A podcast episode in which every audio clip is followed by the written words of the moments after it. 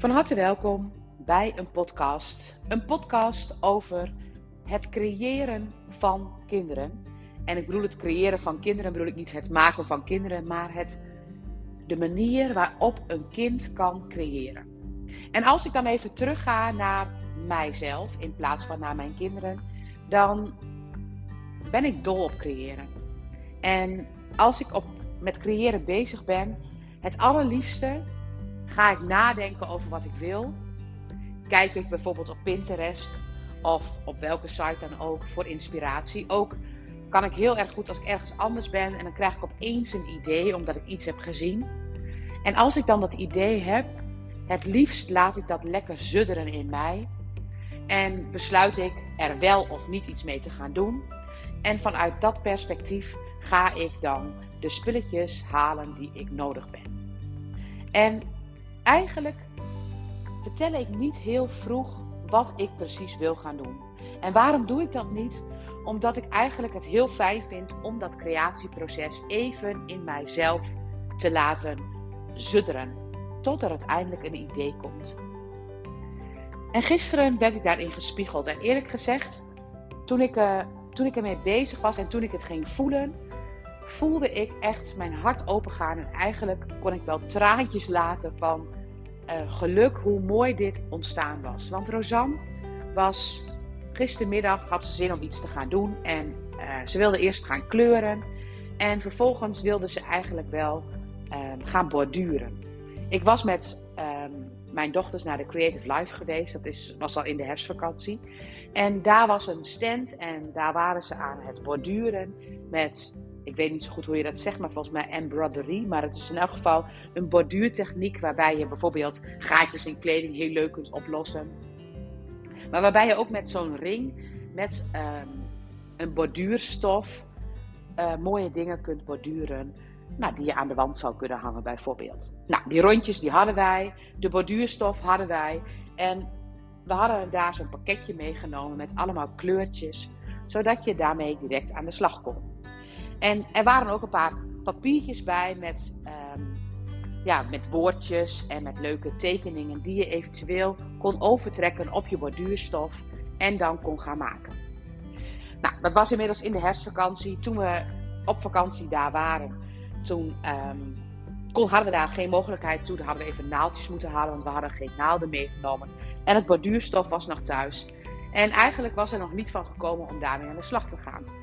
Maar gisteren besloot Rosanne, ik wil daar graag mee aan de slag. Nou, oké. Dus ze pakte zo'n ring en uh, ik hielp haar even met het stof erin stoppen.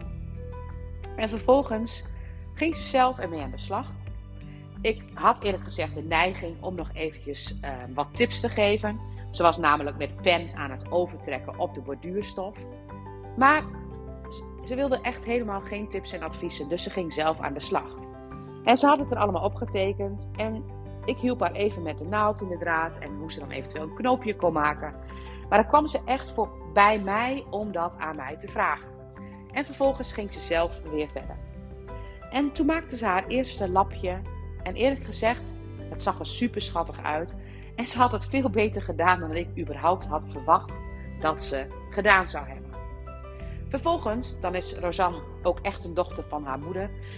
en vervolgens ging ze dus twee nieuwe dingetjes klaarmaken. Want wij gingen samen met opa nog uit eten. En Rosanne die had zoiets van, weet je, dan heb ik in elk geval daar iets te doen. Want dat vindt Rosanne altijd naar om dan niks te doen te hebben. Dus Rosanne die nam haar borduurwerkjes mee naar het restaurant.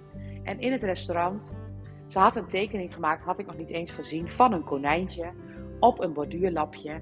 En Rosanne is daar gewoon tussen de bedrijven door heerlijk aan het borduren gegaan. En aan het eind van het etentje, wat echt geen uren duurde, had Rosanne haar borduurwerkje van haar konijn Madelief af. En ik had het niet beter kunnen doen. Het was puur het kind zoals het had gedaan. En ze deed het super snel, zoals Rosanne ook altijd doet.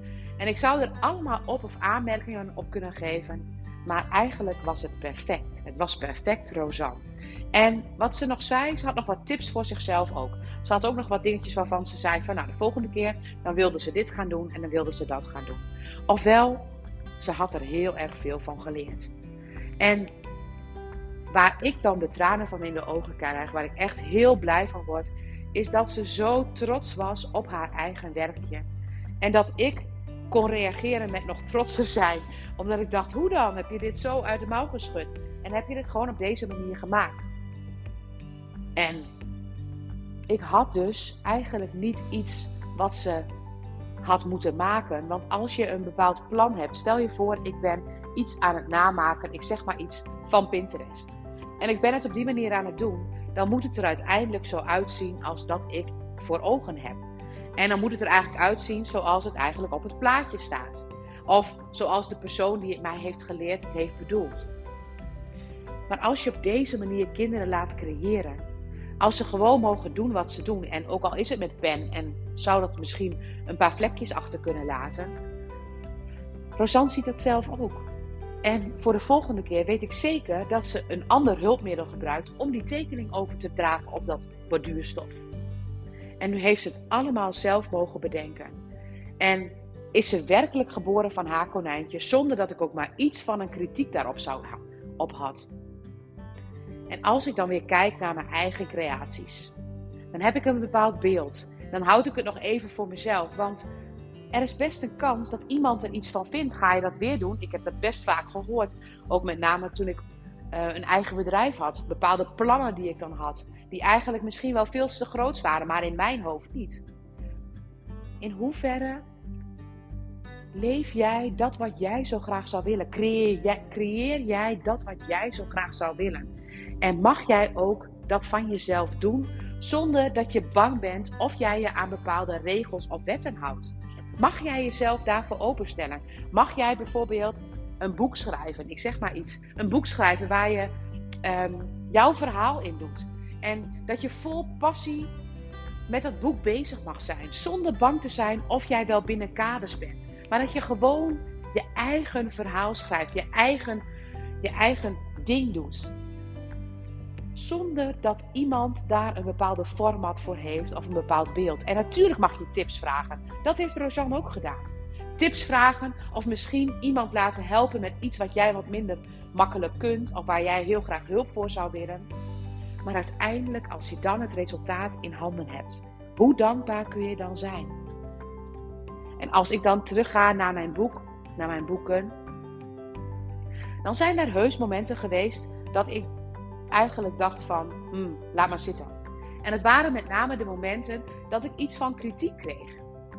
Kritiek misschien over de manier waarop ik de teksten had geschreven. Kritiek misschien op de manier waarop het eigenlijk misschien wel een hele grote brug was naar mensen die het eventueel niet zou, zouden kunnen begrijpen. En wat heb ik gedaan? En ik denk dat daarom dat van Rosanne mij ook raakt. Ik ben gewoon doorgegaan. Misschien niet helemaal op het tempo wat ik achteraf had gewild, want ik heb me er wel door laten leiden. Maar hoe fijn is het dat je gewoon jouw eigen plan mag hebben, daar helemaal in mag staan, dat je je niks van anderen hoeft aan te trekken, dat je alleen maar jouw plan mag doen. En kijk dan eens wat de resultaten zijn. Ik ben zo benieuwd wat jij gaat creëren.